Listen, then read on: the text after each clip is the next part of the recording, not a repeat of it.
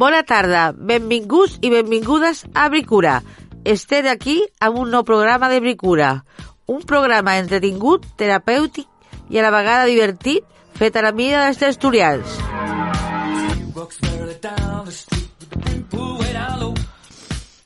Aquí tornem amb un nou programa mensual, carregat de seccions interessants. Aquest cop entrevistarem a Néstor Oriols Torromer, membre del Consorci per la protecció i gestió dels espais naturals del Delta de Llobregat. Donat que avui, 2 de febrer, es celebra el Dia Mundial de les Zones Humides, des de Bricura volem reivindicar la protecció d'aquests espais amenaçats per l'emergència ecològica.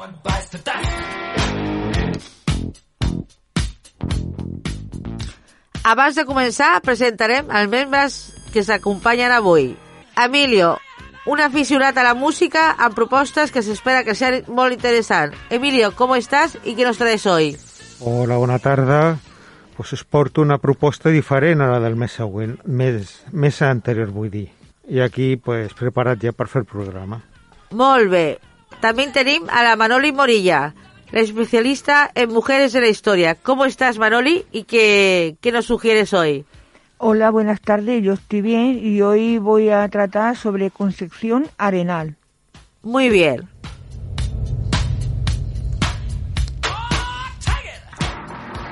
A Joan Francesc, el nostre especialista en cine. Com estàs i què proposta portes? Hola, què tal? Jo estic molt bé i porto una pel·lícula de Ridley Scott. A veure què us sembla. Home, molt bé, Ridley Scott. Fins aquí les presentacions. Bueno, i jo mateixa, Lola i els meus misteris. I fins aquí les presentacions, que comenci Bricura. Another one bites the dust. Ow! Another one bites the dust. Hey, hey! Another one bites the dust. Hey!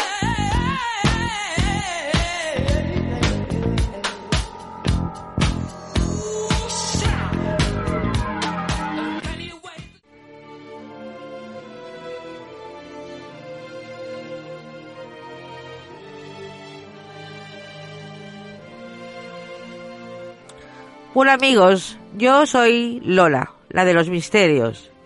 Y hoy os, voy a hablar os voy a hablar de los de los licántropos. De los licántropos o lobisones, más conocidos como hombres lobo. Es una criatura legendaria que está presente en muchas culturas de todo el mundo. Es el mito más universal de todos los tiempos y aún hoy día la gente sigue creyendo que existen. La transformación dura unas horas y suele pasar cuando hay luna llena y sus características son la ferocidad, la fuerza, la astucia y la rapidez.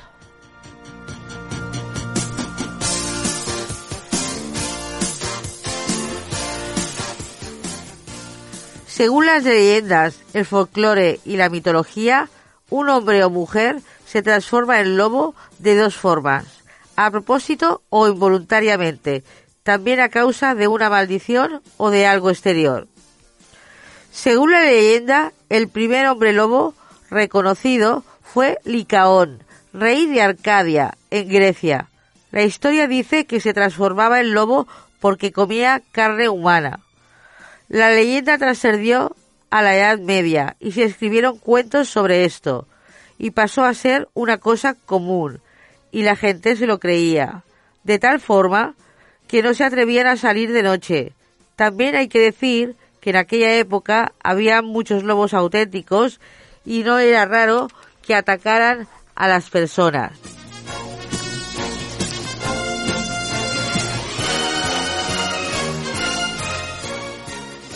También hay otro supuesto hombre lobo que se basa en acontecimientos como la bestia de Gévaudan en Francia, que aterrorizó a esa provincia de 1764 a 1767. Atacaba al ganado y a las personas y fue abatido, según el relato, con una bala de plata. De ahí, desde esos tiempos contemporáneos, se dice que solo puede ser abatido de esa forma, aunque también se trate de una superstición tan antigua como la humanidad.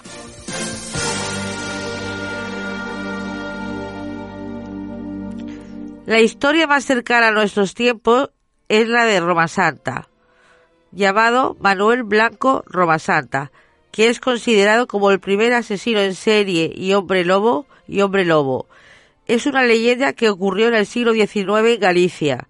Se decía que se convertía en licántropo a causa de una maldición y que en esos momentos no era consciente de sus actos. Confesó trece asesinatos. Las víctimas siempre eran mujeres o niños. Alegó que era una enfermedad, que estaba perturbado, y estuvo encarcelado y la sentencia salió el 6 de abril de 1853 y se le condenó al garrote vil por nueve asesinatos que se le pudieron probar y una multa de pagar mil reales por víctima.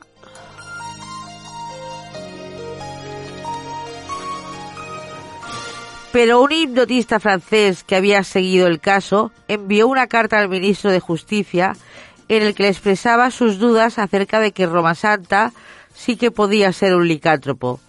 También habló con la reina Isabel II y a la vez con el Tribunal Supremo, y cambiaron la pena capital por cadena perpetua. Murió el 14 de diciembre de 1863 y la prisión de Ceuta, pero se desconoce de dónde fueron a parar sus restos. También hay que decir que hay una película llamada Roma Santa que trata de este tema. Bueno amigos, pues ya sabéis, si conocéis a alguien que, que, no quiera salir durante la luna llena o tenga mucho pelo o los dientes raros o las manos grandes, salir corriendo. Y como siempre, esperando que os haya gustado mi historia de hoy, os mando un saludo y hasta el próximo programa. Hasta pronto.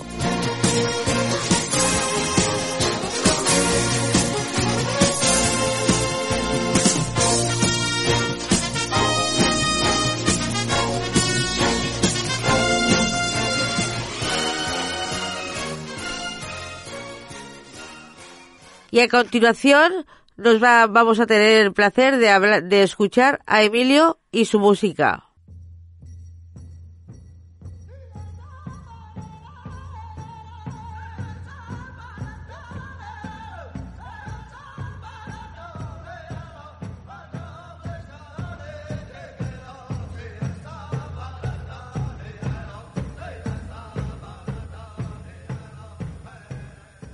Ya han pasado las Navidades con la sección especial que propuse, pero para este mes de febrero quería proponer una temática, un grupo, vamos, que no había propuesto antes, o al menos alguien aproximado. Por lo tanto, The Cult o The Cult, con la canción inicial Will Harrison o Hijo del Corazón Salvaje.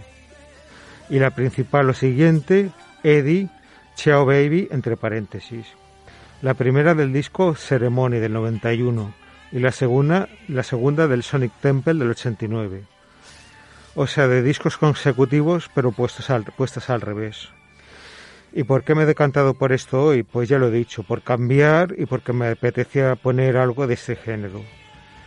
Y se preguntarán, ¿y qué género es? Pues rock, pero sin derivaciones, lo que yo creo que se adaptaba a esta, de, a esta palabra en aquella época y en todas, en general. Un poco macarrístico, todo hay que decirlo, pero muy auténtico y con sus máximos representantes o más conocidos en la época que tratamos de Cult y Guns N' Roses. Tengo que aclarar esto que comentaba del rock. Para mí es lo que se mueve entre el blues rock y el hard rock, o en su evolución. Led Zeppelin y The Purple, entre otros, finales de los 60 y hasta mediados de los 70. En la segunda mitad de los 70, por ejemplo, ACDC que eran hard rock con influencias y algunas raíces blueseras. Y otros ejemplos también. No heavy metal. Iron Maiden en los 80 tenían esa definición y aunque parezca algo similar los dos grupos, ya habían perdido estos segundos esas raíces bluseras si las habían tenido alguna vez, y eran metal. Y a partir de ahí muchos géneros y épocas y grupos de ese estilo, con el transcurso de los años. Volvamos a Decal. Hay quien los definía como unos ACDC sin talento. Qué tontería más grande, porque este grupo se ha ido reinventando en cada disco, con unos postulados cercanos al indie rock a principios de los 80 y con una evolución hacia el metal a finales de los 90 y principios de los 2000. Tenían talento, versatilidad y eclecticismo. Pero cuando han sido más decisivos es con lo que he definido antes como rock. Y si el Electric del 87 y nunca mejor puesto un título era ya toda una declaración de intenciones, con el Sonic Temple lo petaron, por lo menos para mí. Disco de voz, guitarras, bajo y batería. La portada ya es paradigmática, con Guitar Hero, con las piernas abiertas, una mano en la guitarra y la otra puño en alto. Es un compendio de la primera canción a la última de rock, descargando esa electricidad. Como he dicho, Billy Duffy podría ser el de la portada, y además la voz de Ian Asbury, que es potente y totémica. Ya hablaré en otra ocasión más a fondo de esto del rock y también sobre rock sureño, grunge, que se, que se le aproximan bastante en algunos grupos. También de Neil Young y de, otros, británicos y americanos. Pero esto para otra ocasión. Ah, y también les comentaré algo sobre Ian Asbury y The Doors. Bueno, el tema principal es el Eddie Cheo Baby del Sonic Temple, balada electrificada que me retrotrae a la forma de vestir de Asbury, entre otras temáticas e influencias. No voy a reiterar, pero para que el que me haya escuchado en varias secciones, lo que yo digo siempre, el que quiera entender que entienda. Después vino el disco Ceremony, con temáticas sobre nativos norteamericanos. Es aquí donde viene el Will Hartchan. Son en el escrito, como he dicho, consecutivos, pero, pero al revés. Pero bueno, me da igual como sea, el disco es igualmente brillante y era difícil escoger una canción, pero las escojo para tal y tal, vamos, lo de siempre. Con 11 canciones como 11 soles, hablando de calidad. Aún así yo me quedo con el Sonic Temple, por todo el explicado. Digamos que Will Hartchan es bonita, bonita y épica, no añadiré más. Este es posible, es posiblemente uno de los grupos o artistas que más me gustan actualmente y me da igual lo que piensen los demás, porque ya son muchos años y mucha música y muchos estilos escuchados, y me gusta lo que me gusta. Y bueno, repito que me da igual la opinión de, de los demás. También habrá que, habrá, habrán visto, todo decirlo, que me gustan muchas otras cosas. En principio este iba a ser un díptico, un mes cada álbum de los dos señalados, pero lo prefiero así. De todas formas se me han quedado muchas cosas en el tintero. El mes que viene procuraré cambiar mucho la temática para no reiterar, aburrir y sobre todo para que las propuestas sigan siendo interesantes.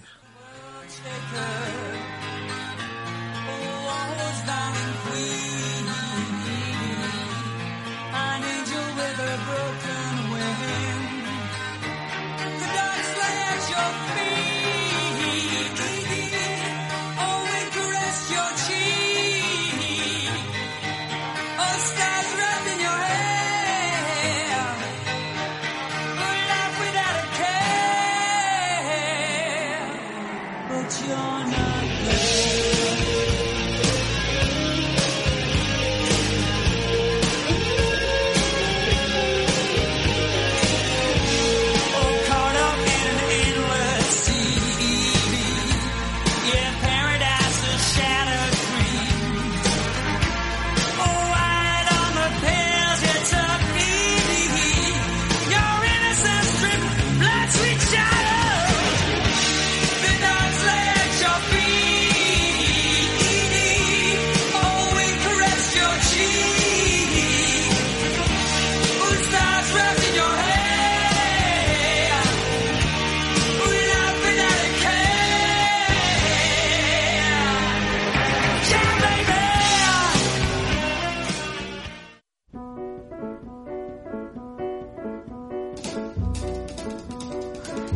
Recordar, estáis escuchando Bricura, un programa entretenido, terapéutico y a la vez divertido.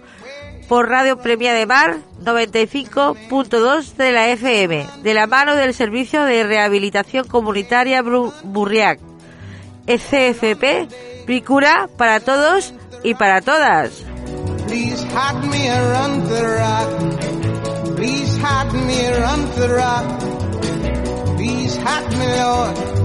All on the day. rock right out. I can't handle the rock right out. I can't handle the rock right out. Y ahora vamos con Manoli y su artículo sobre las mujeres de la historia. Adelante, Manoli. Tarde hoy hablo sobre Concepción Arenal, escritora y activista social española, El Ferrol, 1820, Vigo, 1893. Sorteando las dificultades de la época, Concepción Arenal estudió en Madrid Derecho, Sociología, Historia, Filosofía e Idioma, teniendo incluso que acudir a clase disfrazada de hombre.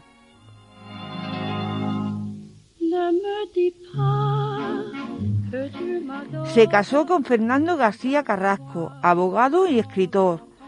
Colaboraron con la Iberia. Su primer libro fue la novela Historia de un corazón. Publicó fábulas en verso. Enviudó y se retiró a Santander y más tarde a Galicia.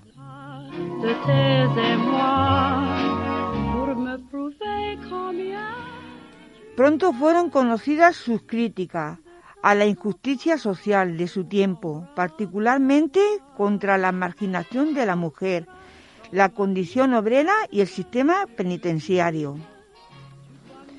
En 1862 publicó su manual de visitador de preso.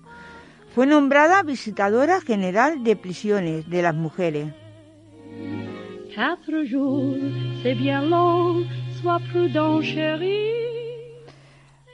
Colaboró con Fernando de Castro en el Ateneo Artístico y Literario de Señoras en pro de la educación de la mujer para alcanzar la igualdad de los derechos. Fue fundadora del Patronato de los Diez, de la constructora benéfica y del periódico La Voz de la Caridad.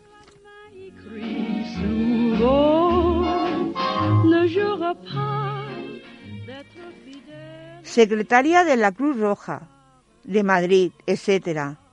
Elaboró una amplia obra escrita con propuestas como la legitimidad de la guerra en defensa de los derechos humanos, la orientación del sistema penal hacia la reeducación de los delincuentes. Como penalista propuso una función educativa del sistema penitenciario que reforme al delincuente en lugar de castigarlo.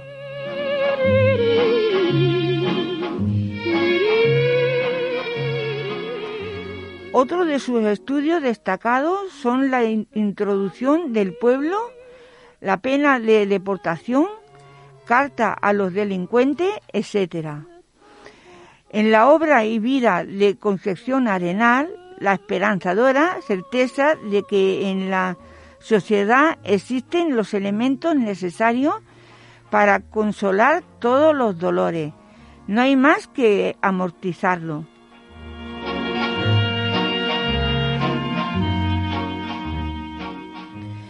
De su obra sobresale la condición femenina, la mujer de la casa y la mujer del porvenir. En la mujer de la casa estudió los problemas a que debía enfrentarse la mujer española de su tiempo, para ocupar digna y eficazmente en el puesto en el que la sociedad humana la necesita.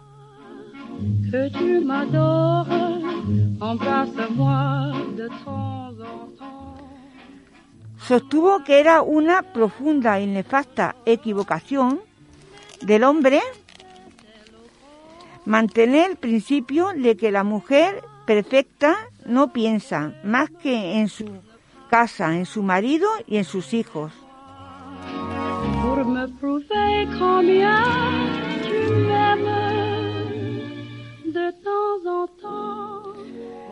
La mujer del porvenir, 1869, señaló las contradicciones en la consideración de la mujer. Si la ley civil mira a la mujer como un ser inferior al hombre, moral e intelectualmente considerada, ¿por qué eh, la ley criminal le impone iguales penas? combatió los prejuicios sobre la supuesta inferioridad fisiológica, moral e intelectual de la mujer y exploró las consecuencias de su acceso a la educación y al trabajo. Y hasta aquí mi sección. Espero que os haya gustado. Hasta pronto.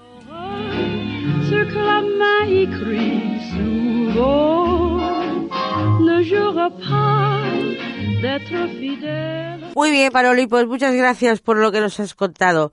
Y ahora, adelante con Joan Francés y su película, a ver qué nos trae hoy. Era un apellido que sonaba tan apetitoso, tan seductor. Sinónimo de riqueza, de estilo, de poder. Pero su apellido también era una maldición.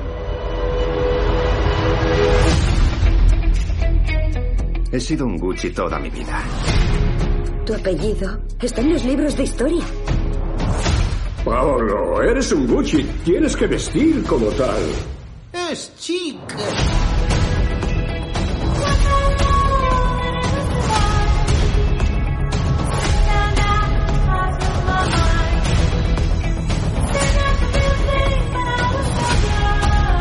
Gucci necesita sangre fresca.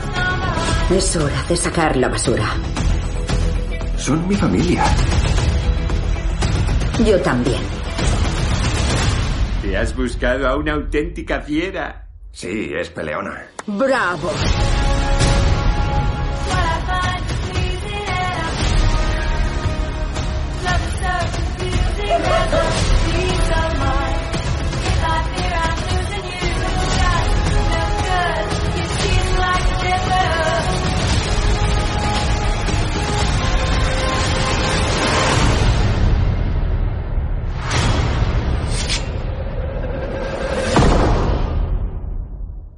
Me considero una persona especialmente ética, pero soy justa.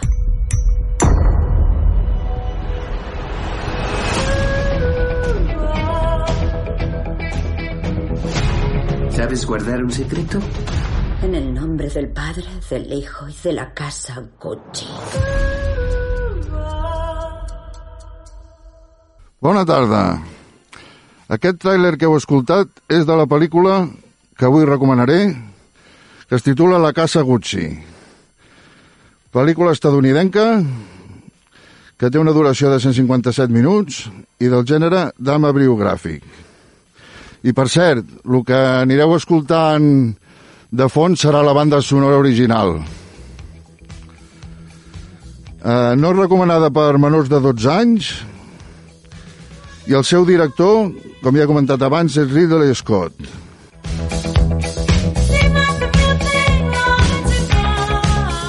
I entre els actors més importants surt Al Pacino, Jared Leto, que si no he llegit malament està nominat, Adam Driver i Lady Gaga.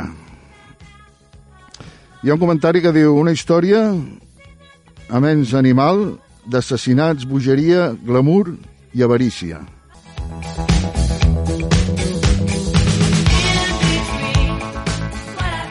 I la sinopsis diu Milan, la història inspirada en fets reals, a 1995, Patricia Reggiani, Lady Gaga, l'exesposa de Mauricio Gucci, Adam Driver, conspira per matar el seu marit, net del reconegut dissenyador de moda Giulio Gucci. La pel·lícula ens mostra la vida de la família durant tres dècades i la successió de traïcions, diners, decadència, lluites de poder i venjança que desencadenen en la mort i l'assassinat de Mauricio per encàrrec de la seva dona. És una història sobre lo lluny que pot arribar una persona per tenir el control d'una família, com la Gucci, i així com el pes que porta tenir aquest cognom.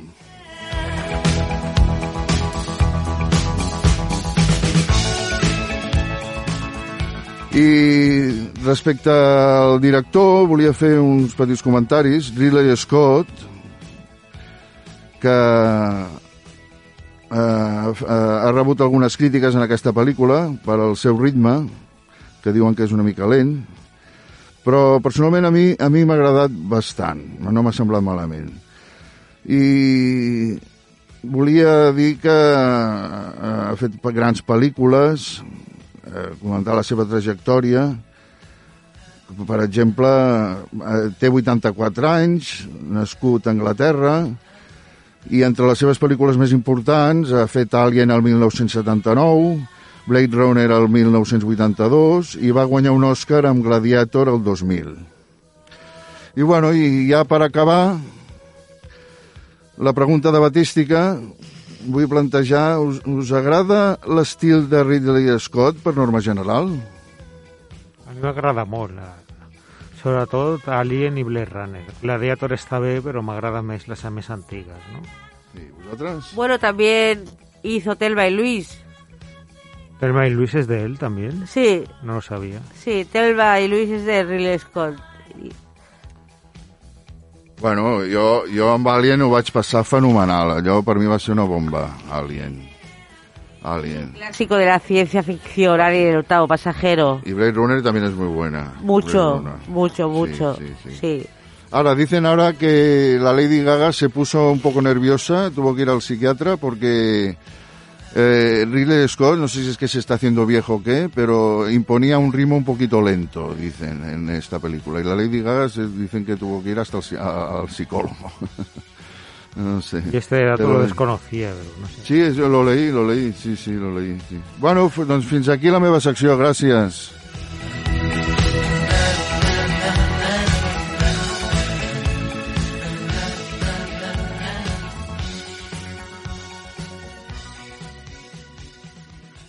Bueno, y hoy como es el Día Mundial de las Zonas Subidas, vamos a hacer un, un pequeño coloquio entre todos y va a empezar Joan Francesc. Avui es celebra el Dia Mundial de les Zones Humides i des de Bricura volem donar valor a aquests espais naturals, un dels més productius i rics de la Terra i alhora dels més fràgils i amenaçats. What a wonderful world. Molt bé, companys. Abans de passar a l'entrevista, m'agradaria que comentéssim unes preguntes entre nosaltres. Primer, coneixeu la importància de, de, que tenen aquestes zones? Sí, bueno, en general jo he llegit que subministren aigua dolça, aliments, perquè suposo que arròs, no? Per, per posar un exemple. Sí, això anava a dir jo, que tenen, hi ha cultius de musclos, I a més d'això arròs... I favoreix la biodiversitat, favoreix. Y también, no, eh, y también nos protegen de las inundaciones. Sí. Passem a la segona? Heu visitat alguna zona humida? Yo sí, yo he estado en el lago Bañolas. Eh, del- en el 2003 se incluyó en la lista de Ramsar de zonas húmedas de importancia internacional. Yo no sabía si había estado, pero recordando me acuerdo que también estaba en el lago de Baños.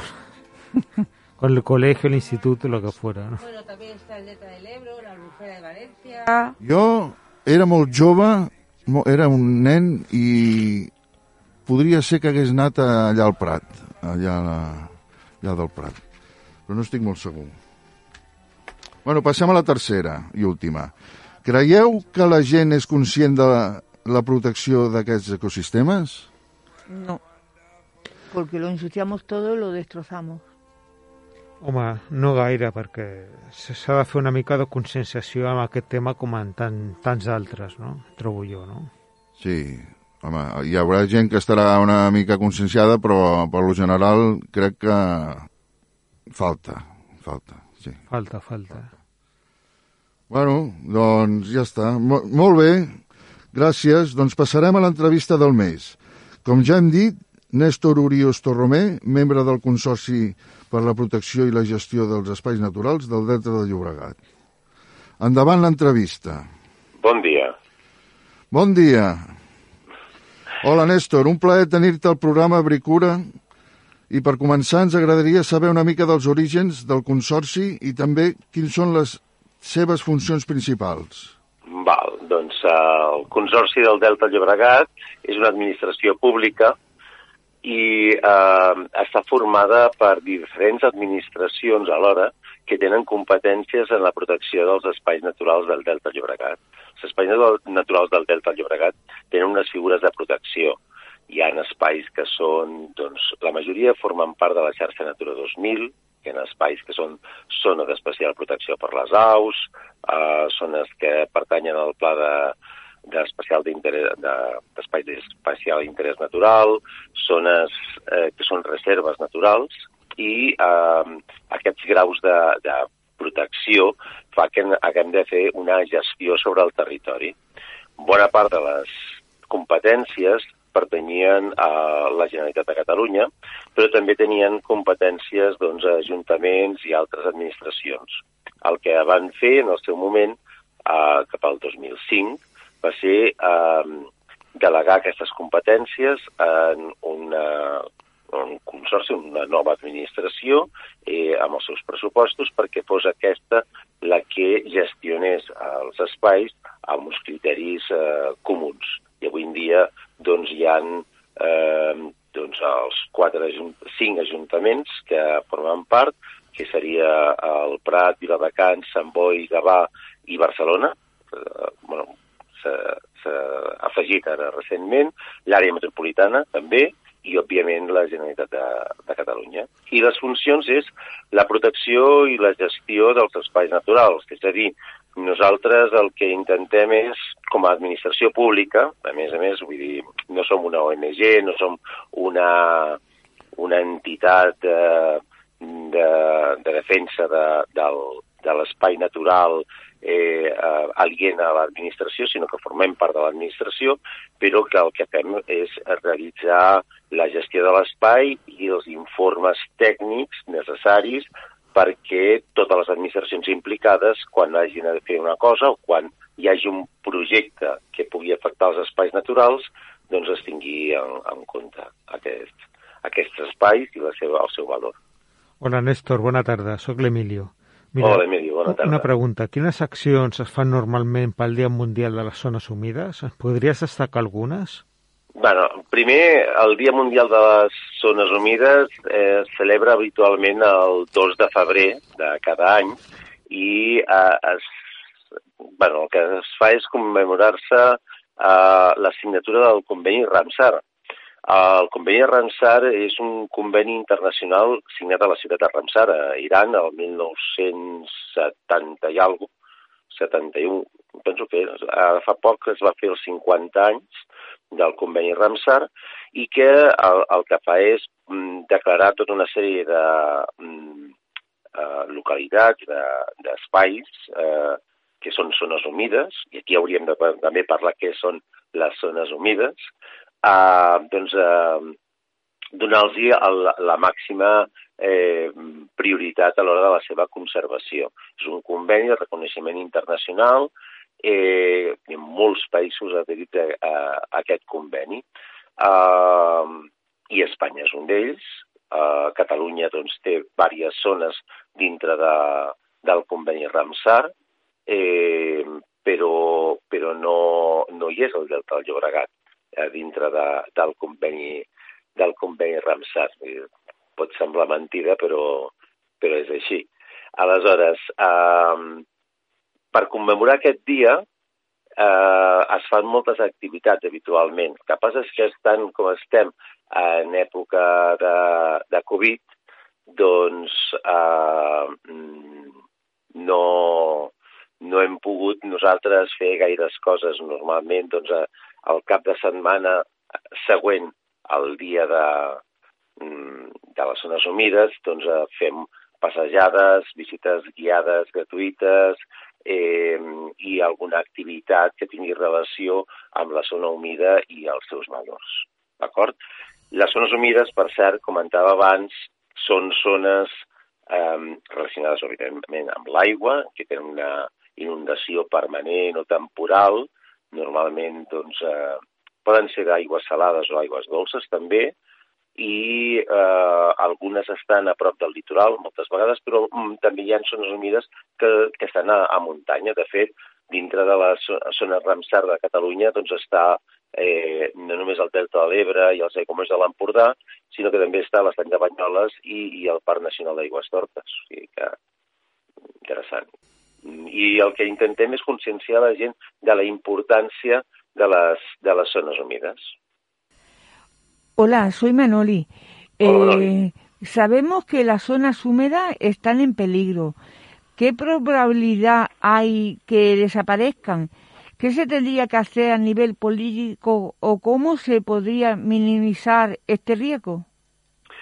Uh, vosaltres sou del Maresme. O sigui, les Maresmes, aquestes zones d'inundació temporal que hi ha a la vora de, del mar, eh, és el que dona nom a la vostra comarca. I avui en dia, de Maresmes en el Maresme, poques en trobarem, perquè eh, van ser zones mm, absolutament ocupades per les persones, eh, dessecades, eh, transformades en conreus i després ja ocupades per altres activitats des d'autopistes, autovies, carreteres, polígons industrials, etc. Aquesta transformació que hi ha hagut en el vostre territori eh, es continua fent uh, arreu. Uh, les zones humides, les zones d'inundació temporal, que sovint han estat vistes com a zones improductives o, i que només portaven que mosquits, eh, han estat durant molt de temps objecte de, de, de secació i de, de, de transformació i encara avui en dia eh, passa en alguns llocs. Aquí, sortosament, a, a Europa i a Catalunya, doncs, eh, en principi, bona part de les zones humides estan, estan protegides. Hi ha un catàleg de, de zones humides, però això no significa que la protecció sobre el paper sigui una, una protecció efectiva. Moltes zones doncs, van ser contaminades, encara avui en dia, pateixen els efectes d'espècies invasores, eh, hi ha molts moltes, molts factors que afecten negativament a les zones humides, que són unes, uns espais naturals molt fràgils, que qualsevol alteració eh, són susceptibles de desaparèixer una gran quantitat de, de flora i de fauna.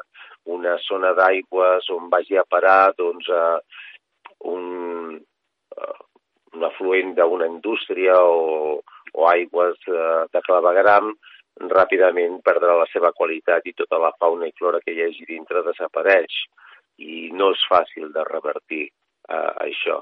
Per tant, sí, estan, estan en, en perill a, a moltes d'aquestes zones i el que cal fer és fer una bona gestió hidrològica i després tenir en compte els grans serveis que ens fa les zones humides a nivell de, de, de les persones, perquè eh, formen part d'aquest equilibri de les aigües sense el qual moltes vegades mm, doncs, eh, els aqüífers, eh, la depuració d'aigües, etc no, no pot funcionar. A part de ser un lloc amb molt de diòxid de carboni eh, s'absorbeix, un lloc que afavoreix una qualitat d'aire mm, molt millor, té moltes funcions que si les haguéssim de pagar doncs nos costaria moltíssims diners per fer. Hola Néstor, soy la Lola. Hola. Quería preguntar, en el litoral de la costa catalana sabemos que recientemente aún hay construcciones de puertos marítimos. ¿Cómo afectan las humedades? ¿Se le debería delimitar? Doncs eh, sí que la construcció dels ports, dels espigons dels ports, són un problema, un factor molt important a, a nivell de les zones humides litorals.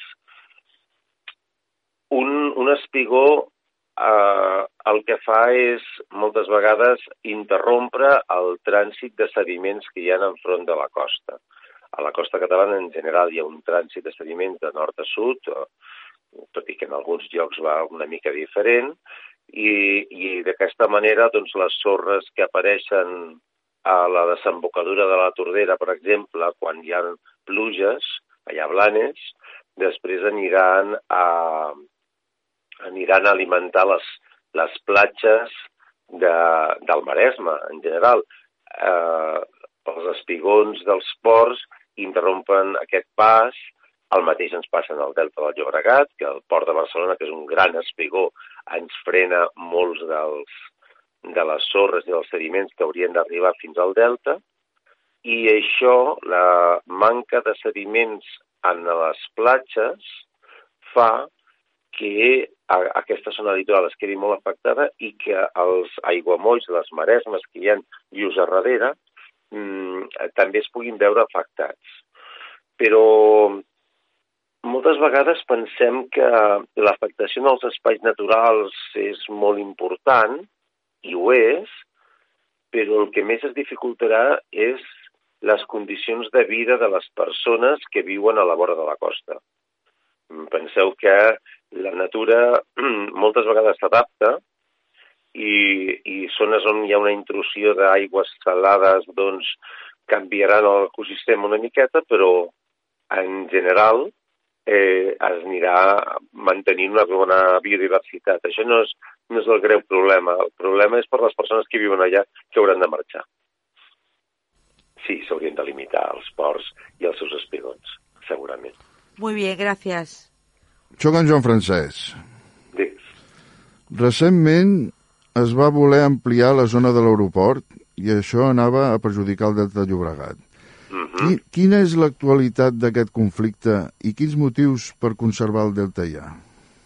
A veure, eh, el que vam proposar va ser eh, fer una ampliació de la tercera pista, que és la pista que queda entre la Reserva Natural del Remolà i la Reserva Natural de la Ricarda. Dues reserves naturals, les més importants probablement del Delta del Llobregat. Quan ja en el seu moment es va fer aquesta pista, doncs es va encabir allà. Ara, eh, l'aeroport del Prat el que volia era fer-la créixer perquè aquesta pista pogués ser utilitzada també per avions eh, més grans. D'això hi ha molta discussió, hi ha documents que demostren que es pot augmentar perfectament la capacitat de la de l'aeroport sense haver d'ampliar aquesta tercera pista. Mm, però en tot cas això serien arguments eh, tècnics de gestió aeronàutica en els que no, no hi entraré. Uh, aquí hi ha tècnics que poden discrepar i que, i que poden donar uh, raons per una banda o per l'altra. Però el que sí que és evident és que uh, l'ampliació de la tercera pista encimentant una bona part de la reserva natural de la Ricarda hagués eh, perjudicat greument aquesta, aquest espai natural. Eh, I l'espai natural de la Ricarda no només és la llacuna de la Ricarda, sinó que són també les maresmes, boscos, altres ecosistemes que hi ha al, al seu voltant. Eh, penseu que aquests espais són, són irrepetibles, per dir d'alguna manera. O sigui, eh, sí que es pot regenerar una, una zona humida en un altre lloc, però les característiques d'un espai com la Ricarda, amb tantíssims anys de, de formació i d'evolució, no és possible restituir-ho perquè eh, la maduració dels ecosistemes és difícil d'aconseguir si no és amb dècades i dècades de, de tranquil·litat i d'evolució natural de, la, de les espècies. No sé si m'he enrotllat massa, però en definitiva el que tenim allà és un espai natural que ha madurat durant molt de temps i que l'aeroport, eh, amb unes previsions de creixement eh, que té, ho hagués, eh, diguéssim, alterat profundament. Una de les peces bàsiques del Delta del Llobregat. Ora, I, per... Perdó. I per què, i per què conservar el Delta del Llobregat? Doncs eh, bueno, el, el, perdó, l'actualitat, em deia on penso, no? I com estava. Doncs, doncs el, el document que aquesta gent havia de fer, que és el document de regulació aeroportuària, en què es fan les previsions i, i, i, i per tant es dota de pressupostos les, les modificacions als aeroports, finalment, i, i és un document que és cada cinc anys, finalment no va incloure l'ampliació de l'aeroport del Prat. I això significa que en principi fins al 2026 eh, no hi haurà aquesta ampliació però sempre és com una espasa de Damocles. Mai, si fem un creixement il·limitat de la nostra societat i del nostre consum, mai hi haurà planeta suficient per encabir tot, tot això. No sé si contesta la pregunta. Ens pots explicar per què un delta de l'Ebre o d'altres és un paradís dels ornitòlegs? Sí, pels, pels ornitòlegs, pels amants de les aus, les zones humides són un autèntic paradís. És un lloc on, on no només viuen eh, moltes aus que estan tot l'any allà, que nidifiquen i que passen l'hivern, eh, en les diferents eh, zones de, de condicions d'aigua, aigües més fondes, menys fondes, aigües més dolces, més, més salobres, per tant, una diversitat d'aliment que dona una, unes possibilitats, a una varietat d'aus increïble, sinó que, a més a més, aquestes zones que tenen molt d'aliment són les rutes, formen part de les rutes migratòries bàsiques entre Europa i Àfrica. Centenars de milers d'aus cada any eh, doncs a la tardor eh, van des de l'Europa del nord i del centre cap a l'Àfrica i a la primavera hi tornaran. I per tant, doncs, eh, en tenim espècies d'aus mm, que estan tot l'any, que, que estan només a, a l'època de reproducció, altres que ara a l'hivern les, les trobem aquí i que no trobarem en altres èpoques, i altres que només estaran en època de reproducció, ai, perdó, de migració.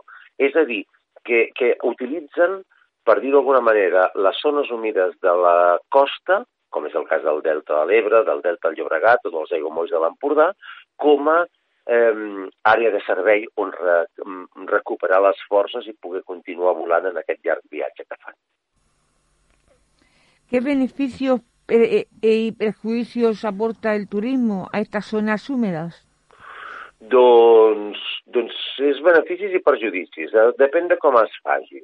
Uh, el fet de que ens uh, visiti molta gent ens va molt bé perquè és la millor manera de protegir un espai. Quan l'espai és molt conegut, avui en dia si algú digués no, no, anem a destruir el delta del, de l'Ebre perquè em sembla que no és necessari i tal, no només per la producció agrícola, sinó que molta gent que ha anat allà a veure doncs, ocells, a, a gaudir de la natura, d'aquest espectacle que és el Delta de, de l'Ebre, per exemple, eh, en tota la gent que hi ha sensibilitzada respecte a aquest valor, mm, és segur que, que, que no ho podríem fer perquè com la gent es rebotaria i protestaria, es queixaria i no els votaria, doncs no podríem fer. El Delta del Llobregat també volem que molta gent els, la conegui, el Delta del Llobregat, els espais naturals, perquè d'aquesta manera, sorprenent amb la varietat i diversitat d'espècies, la gent es sensibilitza i vol protegir-ho.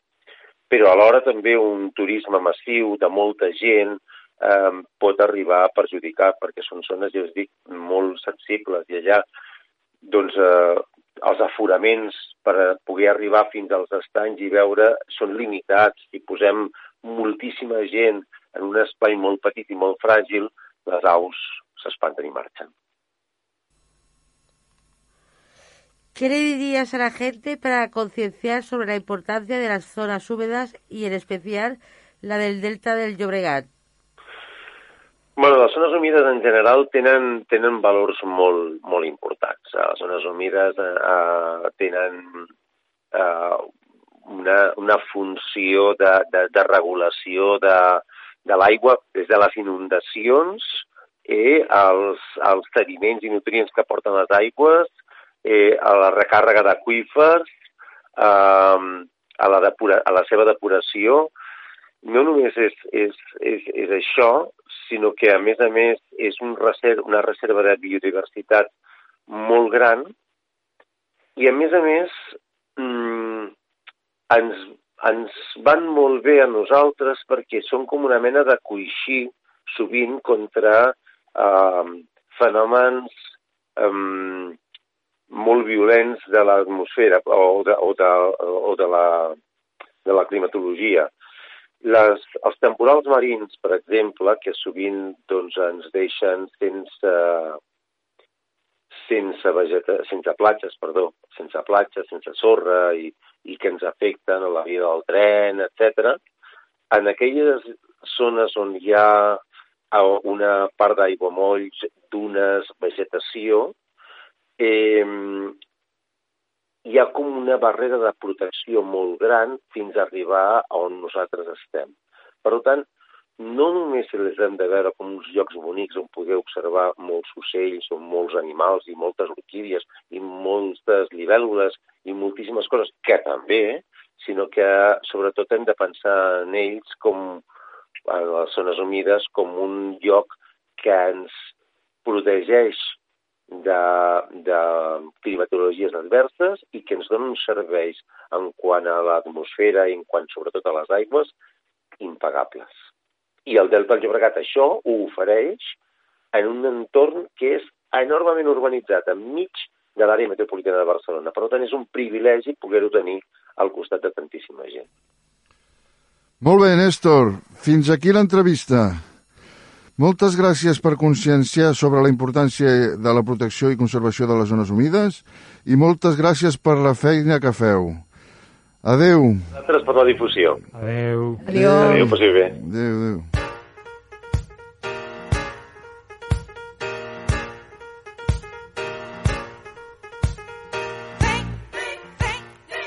Y hasta aquí el programa de hoy. Un programa entretenido, terapéutico y a la vez divertido. Nos vemos pronto y que os vaya todo muy bien. Un beso para todos.